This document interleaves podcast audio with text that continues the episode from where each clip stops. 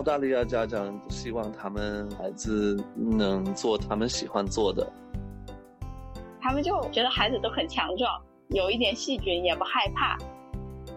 你想看电视好，看电视；想吃冰淇淋好，给你一个。这真的是一个很大的差别。大家好，欢迎收听本期 Podcast。本期 Australia Explained 将和您一起探索澳大利亚的本土育儿观。澳大利亚本地人在养育孩子的方式上和华人究竟有着怎样的区别呢？我是本期节目制作人王威。首先，一起来认识一对年轻父母。澳洲爸爸包思聪和华人妈妈杰涵共同养育着两个可爱的儿子。哥哥名叫凯凯，今年四岁；弟弟只有一岁。夫妇俩接受采访的时间正值下午，那时候弟弟在午睡，哥哥在奶奶家。包思聪说：“凯凯每两个星期都会去奶奶家住一天，在很多方面，奶奶的育儿观体现了本地人的想法，也给了他们这样的新手爸妈带去很多思考。”啊，哥哥吃饭是一个挺大的问题。去年的时候，我妈在这里跟我们一起住了一年，我妈妈比较喜欢给他喂饭，比如说他不喜欢吃包子，我妈妈就会给他做面条，做的他吃为止。嗯，我妈妈现在已经回中国了，然后现在孩子还是不愿意吃饭，那我就要花特别长的时间给他喂饭。天天都要喂凯凯吃饭，我就想我小的时候怎么样？我最近就问了我妈妈，就说，呃，我们小的时候怎么样喂我们吃饭？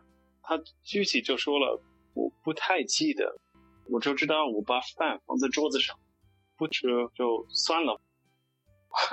所以呢，我觉得差别太大了。即使是现在，奶奶对于凯凯，她也不太担心他吃还是不吃，她就是觉得你饿了你就吃，你不吃你就算了，我也尊重你的意愿。但是如果你饿了的话，你要记住是因为你之前没有吃饭，所以她好像就没有那么多的烦恼。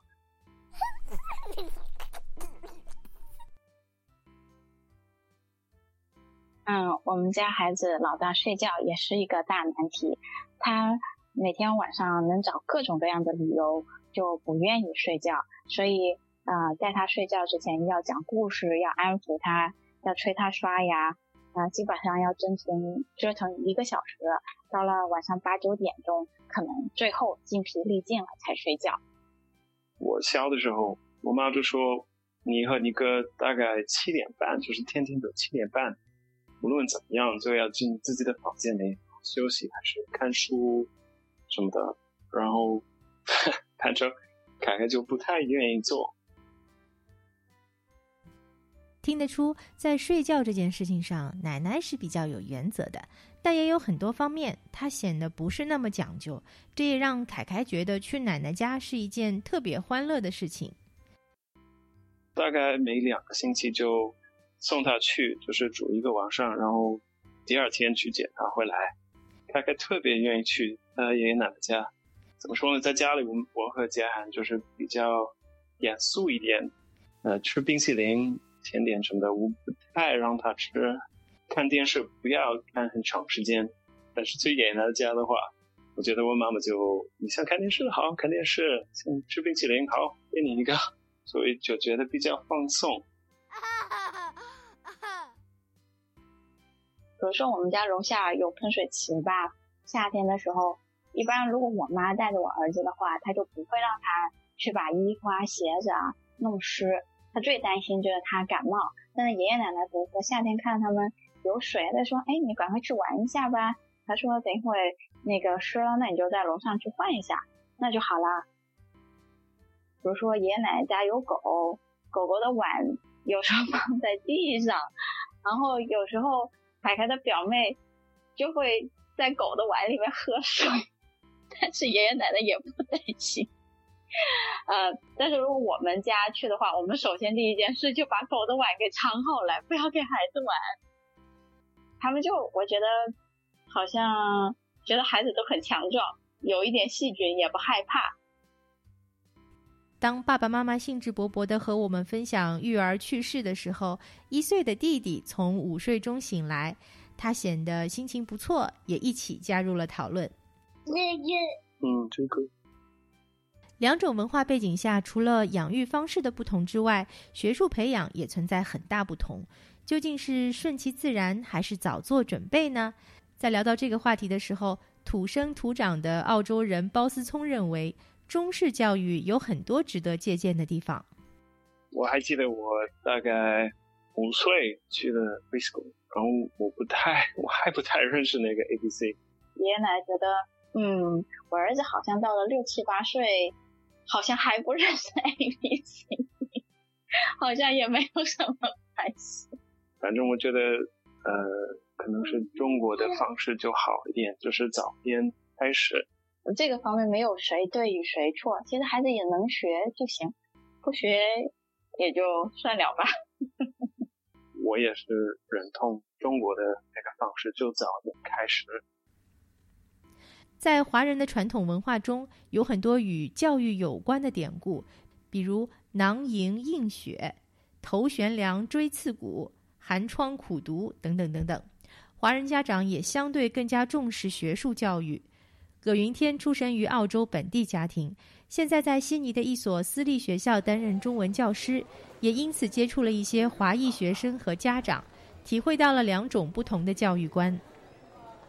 很多澳大利亚的家长们鼓励孩子们从小就开始去探索他们喜欢的事情，去找到他个人有什么爱好，希望他们会去找到自己以后想做的事情。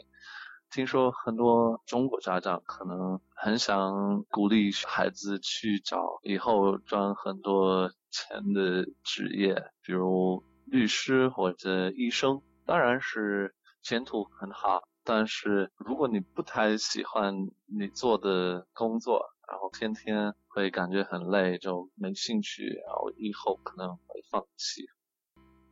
刚才葛云天提到，如果从事了自己不太感兴趣的职业，未来可能会放弃。这个感悟其实正是来源于他自己的经历。上大学的时候。我觉得我应该学一个以后能找到好工作的专业，所以我读了法律，读了五年的法律以后，然后开始工作，我就 就很快知道不是我一辈子都想做的一个事情，所以我就很快开始学习翻译，中翻译的翻译，因为我从小就一直对外语很感兴趣，所以我。当了两年的翻译员，嗯，以后我就转到了啊教育这个行业。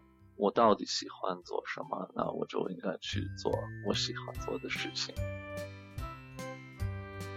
说到兴趣和选择，一九九七年就嫁到澳洲的华人妈妈 Helen 认为，澳洲教育系统给了孩子更多的选择。华人家长如果能够深入了解，也许能够帮助他们减少焦虑。澳洲的孩子，我觉得特别幸福。就比如说，他最后那个 A 塔，其实就是我们的高考的录取分数，百分之五十是平时积累的。认真学习的话，一般来讲，平时的分数也没问题。高考一共六门课嘛，他十一年级的时候，其实就可以开始选修，就是最终要高考的，连十呃，甚至连十一年级的时候都可以考掉两门。这样的话呢，就在高三的时候，就他的压力就会少了很多。还有一个不是艺考定终身的概念呢，就是你不一定一定要上大学。大家也都知道了，澳洲的技术工种，它的那个薪水特别的高。所以我就觉得，对于孩子，澳洲的孩子来讲，真的非常幸福。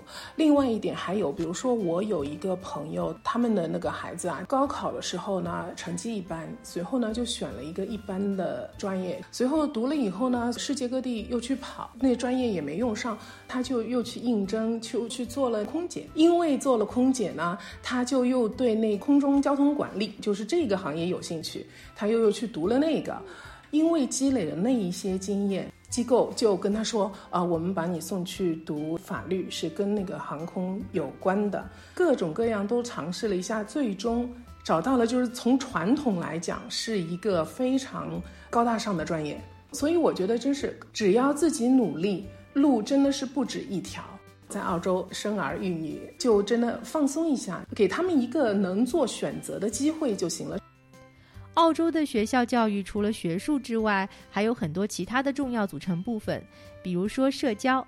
葛云天所在的学校每天都要为学生提供三十分钟的社交技能课程，也会通过野营等方式让学生了解如何在不同场景下与他人沟通合作、解决问题。社交对孩子们的发展是特别重要的。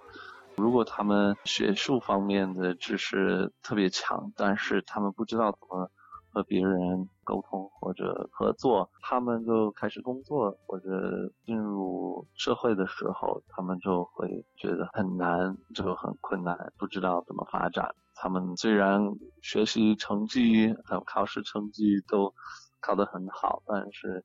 他们在工作的环境下可能不会发挥，会遇到很多问题。怎样养育和教育孩子是永无止境的话题，它没有标准答案，每个家庭都会做出自己的选择。希望本期节目能带给您一点点的启发。SBS 普通话节目最新推出的 Podcast 系列《Australia Explained》，帮您更好解读澳大利亚的文化习俗，带您了解一切关于澳大利亚的有趣知识。我是本期节目制作人王威，欢迎在 SBS Radio 应用程序搜索收听。别忘了告诉我们，在这个播客系列当中，您还想了解哪些感兴趣的内容。